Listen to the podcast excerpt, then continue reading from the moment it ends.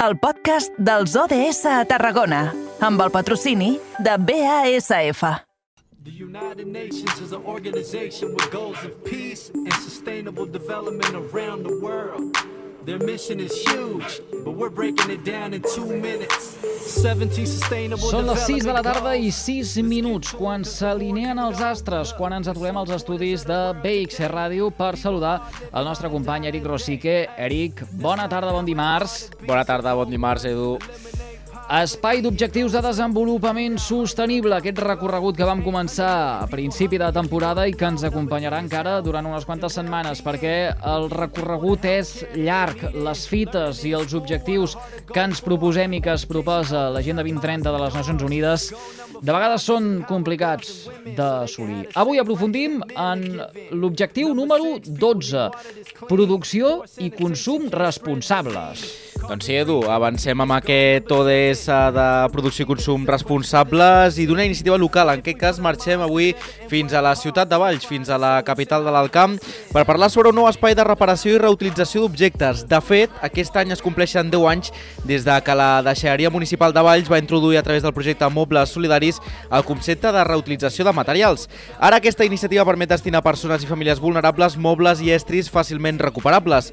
Per parlar d'aquesta iniciativa parlem amb Jaume Jaume Vilanova, president de l'associació Igueiro, que enguany s'incorpora en aquesta iniciativa. Molt bona tarda. Què tal? Bona tarda. Escolti, en primer lloc, eh, senyor Vilanova, per què us heu adherit aquesta iniciativa des de l'associació Igueiro, que, si no m'equivoco, eh, la, la vostra tasca és eh, poder reparar aquests objectes com, com hem explicat?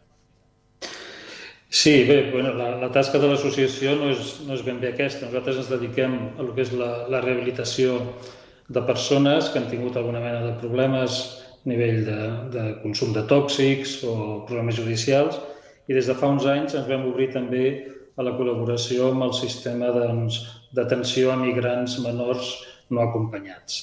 Arrel d'això vam crear un programa nou amb persones extutelades que havien sigut menors d'edat i que no tenien on anar, no tenien feina perquè no tenien documentació adequada i a partir d'aquí, a través de l'Ajuntament, va sortir la possibilitat de col·laborar eh, dins aquest projecte de, de reparació i reutilització d'estris, de mobles, de coses que anaven deixant a la deixalleria i que estaven en unes condicions prou acceptables per poder ser reutilitzats. Mm -hmm. Un projecte que té una doble vessant, un doble objectiu, tant social i econòmic. De vegades eh, és important no? determinar, eh, reaprofitar eh, aquest tipus d'estris, a mobles, per tal de eh, també afavorir, a, a ajudar aquests col·lectius de, de famílies vulnerables. Sí, sí, i tant. I, i a banda ens ajudava la nostra tasca educativa, no? No és només el fet de que puguin ajudar reparant i que això vagi després destinat a persones que ho puguin reutilitzar, sinó que ens, ens ajuda a educar en una sèrie de valors molt concrets en aquest jovent que ara s'està integrant a la nostra societat i en general, eh, no només aquest col·lectiu, sinó que aprenguem, doncs aprenem a, a que les coses s'han d'aprofitar i no es poden llançar a la primera de canvi. No? Eh, nosaltres hem arribat a, a, a, a moblar molt, una casa sencera rehabilitant coses que s'havien deixat ja com, com per llançar. I les coses a vegades doncs, tenen, tenen tants usos com, com ens hi vulguem donar. No? Per tant, és una, una feina no només de reparació, sinó també d'educació en tots aquests col·lectius. Mm. Senyor Vilanova, i com eh, s'ho prenen precisament aquests joves que vostès tenen eh, a les instal·lacions de l'associació eh, Egueiro, quins són els inputs que recullen? Eh, aquest podria ser un exemple no?, d'aquesta eh, reeducació, el que avui eh, fem èmfasi eh, aquí, amb eh, aquest eh, allargar la vida, per exemple, d'uns mobles que haguessin pogut eh, acabar a la deixalleria o en un, eh, en un abocador, però vostès porten molts anys ja eh, eh, incidint, per exemple, no sé, ara em venen al cap, eh, tallers de, de fotografia eh, des de la vessant tècnica o també fins i tot de, de, de mecànica. Què recullen per part de tots aquests joves?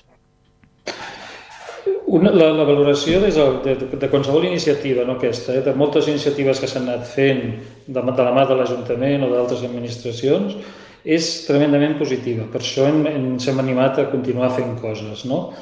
Eh, són persones que tenen una necessitat vital d'integrar-se. Aleshores, poder col·laborar en coses que tenen després una repercussió directa eh, allà on viuen, a la, a la gent, a la resta de les persones que, que viuen a la ciutat, és la millor arma terapèutica per després eh, derrumbar tot el que són fòbies, el que són marginalitats, el que, són, el que és el racisme, prevenir radicalitzacions, perdó, totes aquestes coses eh, les estem vivint dia a dia. No? Ells estan molt contents de poder col·laborar i a qualsevol cosa que se'ls demana estan disposats a posar-hi l'ànima no? i ho estem veient aquí.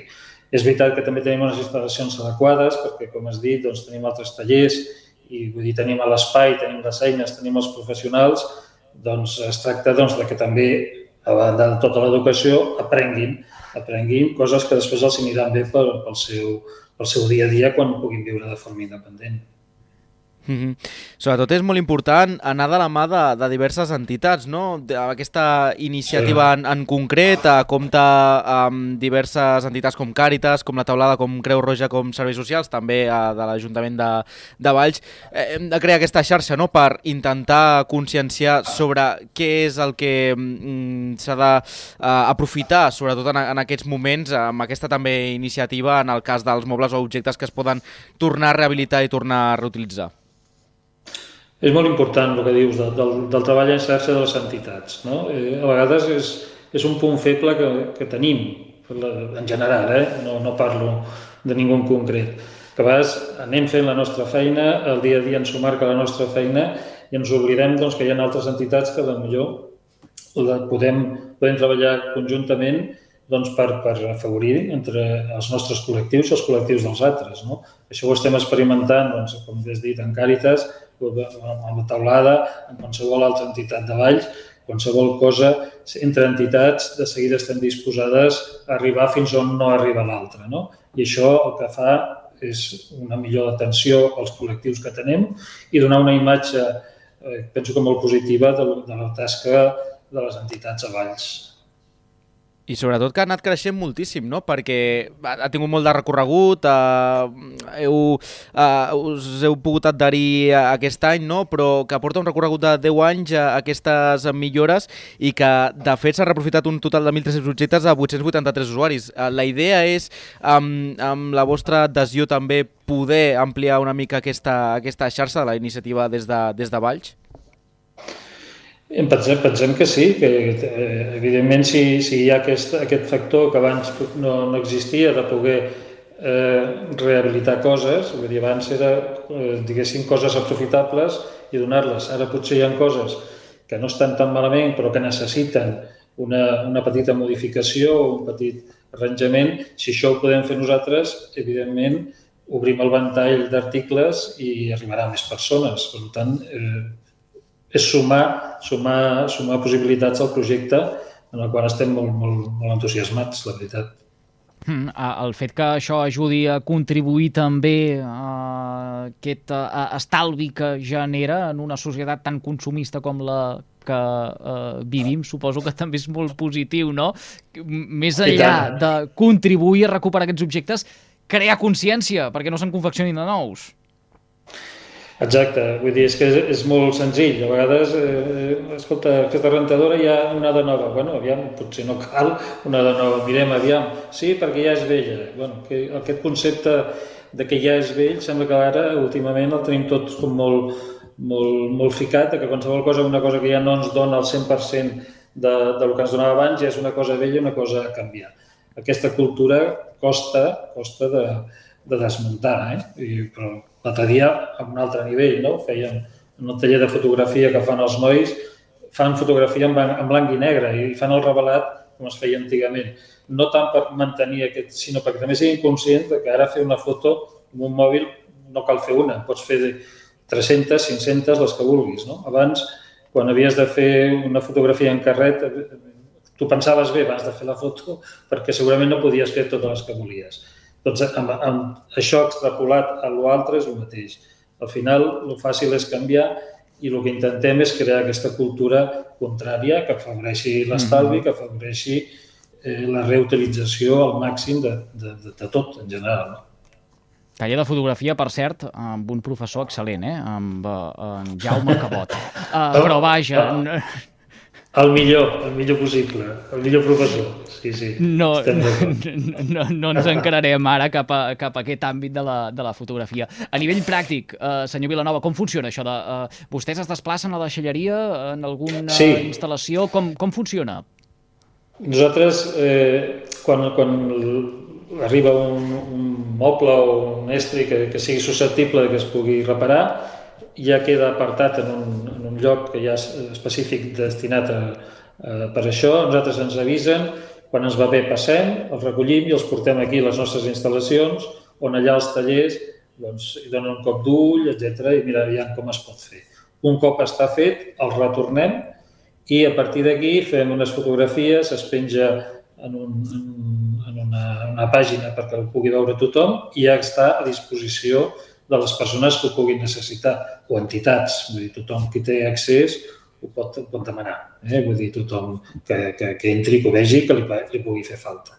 Eh? Nosaltres ho recollim, ho reparem i després ho posem en circulació perquè la gent hi pugui, ho pugui agafar i ho pugui aprofitar. Mm -hmm.